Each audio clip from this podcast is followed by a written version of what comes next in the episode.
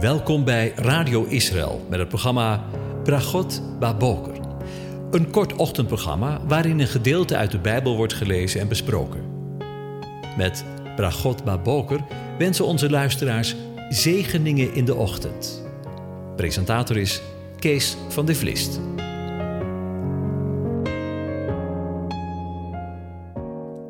Goedemorgen, Bokatov, beste luisteraars. Vanmorgen gaan we weer verder met Psalm 97.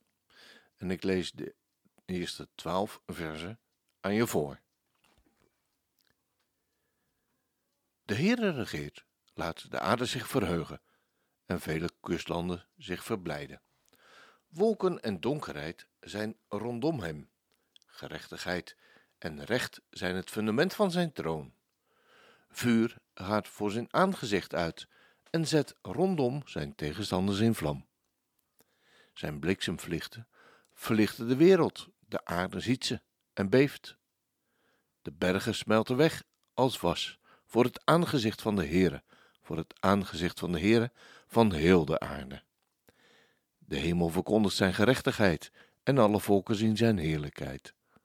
Beschaamd moeten zijn alle die beelden dienen en die zich op afgoden beroemen. Buig u voor hem neer, alle goden. Sion heeft het gehoord en zich verblijd. De dochters van Juda hebben zich verheugd vanwege uw oordelen, heren. Want u, heren, bent de Allerhoogste over de hele aarde. U bent zeer hoog verheven boven alle goden. U, die de Heere lief hebt, haat het kwade. Hij bewaart de ziel van de gunstelingen. Hij redt hen uit de hand van de goddelozen. Licht is gezaaid voor de rechtvaardigen en blijdschap voor de oprechten van hart. Rechtvaardige verblijdt u in de Heere, loof hem ter gedachtenis aan zijn heiligheid. Over de behoeder gesproken. Deze keer willen we stilstaan bij het vervolg van vers 10. Hij bewaart de ziel van zijn gunstelingen. En laat dat gerust vanmorgen bij wijze van spreken maar eens diep inzakken in je ziel. Vanmorgen komt de eeuwige naar je toe met de woorden: Hij bewaart de ziel van zijn gunstelingen. Het bewaren is een vertaling van het Hebreeuwse woord shamar. Velen die naar Radio Israël luisteren, zullen dat herkennen. En het woord wordt voor het eerst gebruikt in Genesis 2, vers 15, waar we lezen: De Heere God nam de mens en zette hem in de Hof van Eden om die te bewaren en, en dan komt het woord shamar, te onderhouden. Shamar is hier dus vertaald met onderhouden. Op een volgende plek in Genesis 3 komen we het woord opnieuw tegen. Genesis 3, vers 23.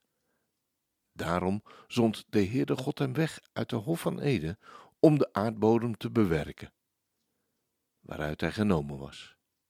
Hij verdreef de mens en plaatste ten oosten van de Hof van Eden de Gerubs, met een vlammend zwaard, dat heen en weer bewoog, om de weg naar de boom des levens, en dan komt het woord shamar, te bewaken.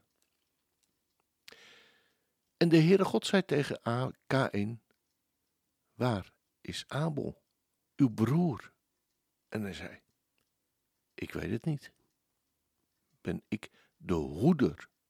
En opnieuw vinden we daar het Hebreeuwse woord shamar, met, vertaald met hoeder, van mijn broer.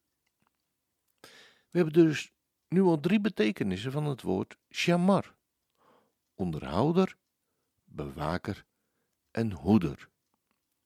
Psalm 97 zegt ons dat Hij, dat is de Heere, de aanwezige, vertaalt met JHWH, de onderhouder van de ziel van zijn gunstelingen is.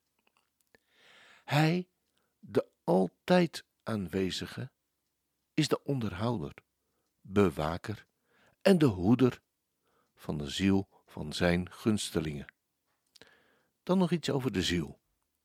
In het Hebreeuws het woord nefesh, wat we voor het eerst lezen in Genesis 2, waar de eeuwige zegt dat de mens een levende ziel, een levend wezen werd. Vanuit het samengaan van Gods geest en het stof van de aarde ontstond iets volkomen nieuws.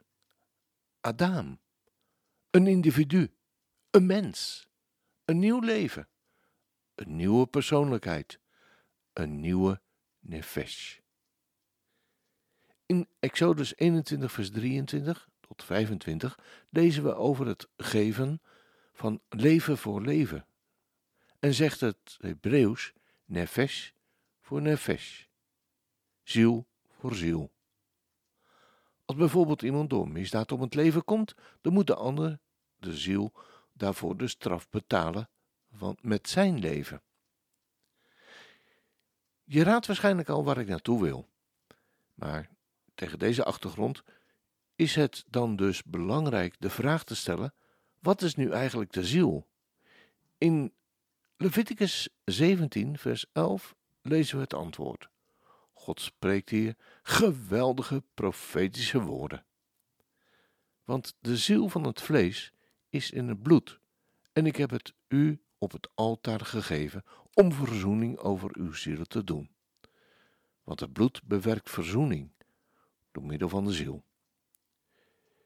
In het eerste deel, de ziel van het vlees, slaat voor ziel het Hebreeuwse woord nefesh.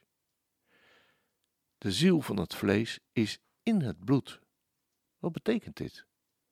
De mens bestaat uit lichaam, ziel en geest. Als de geest verdwijnt, stopt de ademhaling. Maar wanneer de ziel verdwijnt, stopt het bloed met stromen. De ziel van het vlees is in het bloed. En daarom zegt God: Ik heb het, de ziel of het leven, op het altaar gegeven om verzoening over uw zielen te doen. In Leviticus lezen we dat al. Met andere woorden, de ene ziel moet verzoening doen voor de andere ziel. Aangezien de ziel zetelt in het bloed, moet er dus bloed vloeien bij een verzoeningsdaad. Het ene leven moet gegeven worden voor het andere. En dan is nu het moment gekomen om terug te keren naar het grote centrale hoofdstuk over verzoening in Jesaja 53.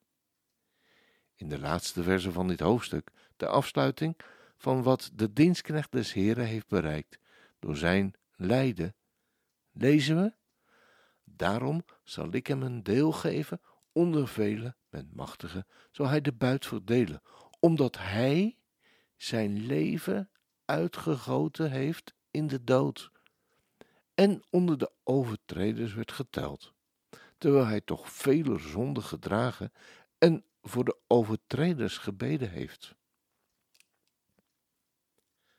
Het Hebreeuwse woord dat hier gebruikt is voor leven is nefesh. Ziel zou in dit geval een betere vertaling zijn, omdat het gaat om bloed. Want hoe goot Jezus, Yeshua, zijn ziel uit in de dood? Door zijn bloed. Op het moment dat Jezus bloedde en stierf aan het kruis, werd zijn ziel gegeven ten behoeve van de hele mensheid. Als ik dat verslag lees van de kruisiging, dan krijg ik de indruk dat vrijwel al het bloed uit Jezus lichaam is weggestroomd. Ze geeselden zijn rug. Zijn baard werd uitgetrokken. Ze, rukte door, ze drukte doornen in zijn hoofd. Ze boor do, doorboorden zijn handen en voeten. Zijn bloed stroomde overvloedig. En daarna, toen hij gestorven was, dreef een soldaat een speer door zijn hart en kwam er water en bloed uit. Het was alsof alle bloed uit zijn lichaam werd uitgestort op het kruis. Dit was het offer van zijn ziel, als de laatste Adam, ten behoeve van alle nakomelingen van Adam, ten behoeve van jou en mij. Inderdaad, het is voluit waar. Hij bewaart de ziel van zijn gunstelingen. Als dat geen zegen is. Ik wil met u bidden en danken. Heer Jezus, nooit, maar dan ook nooit, kunnen we u genoeg danken voor het immense, onbegrijpelijke en volmaakt voldoende offer dat u bracht om mijn straf, om onze straf te dragen en om mij het volle leven te geven. Ik prijs u, Heer, dat u voor mijn leven en voor ons leven heeft betaald met uw eigen bloed. Amen.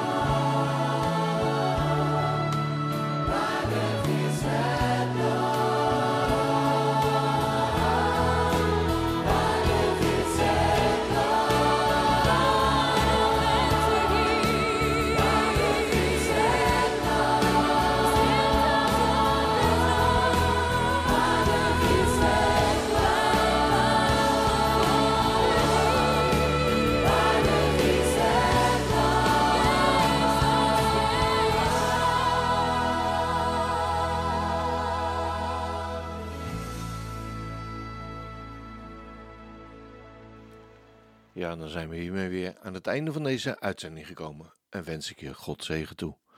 De Heer zegene en hij behoedt je. De Heer doet zijn aangezicht over je lichten en is je genadig. De Heer verheft zijn aangezicht over je en geeft je zijn vrede, zijn shalom. Amen.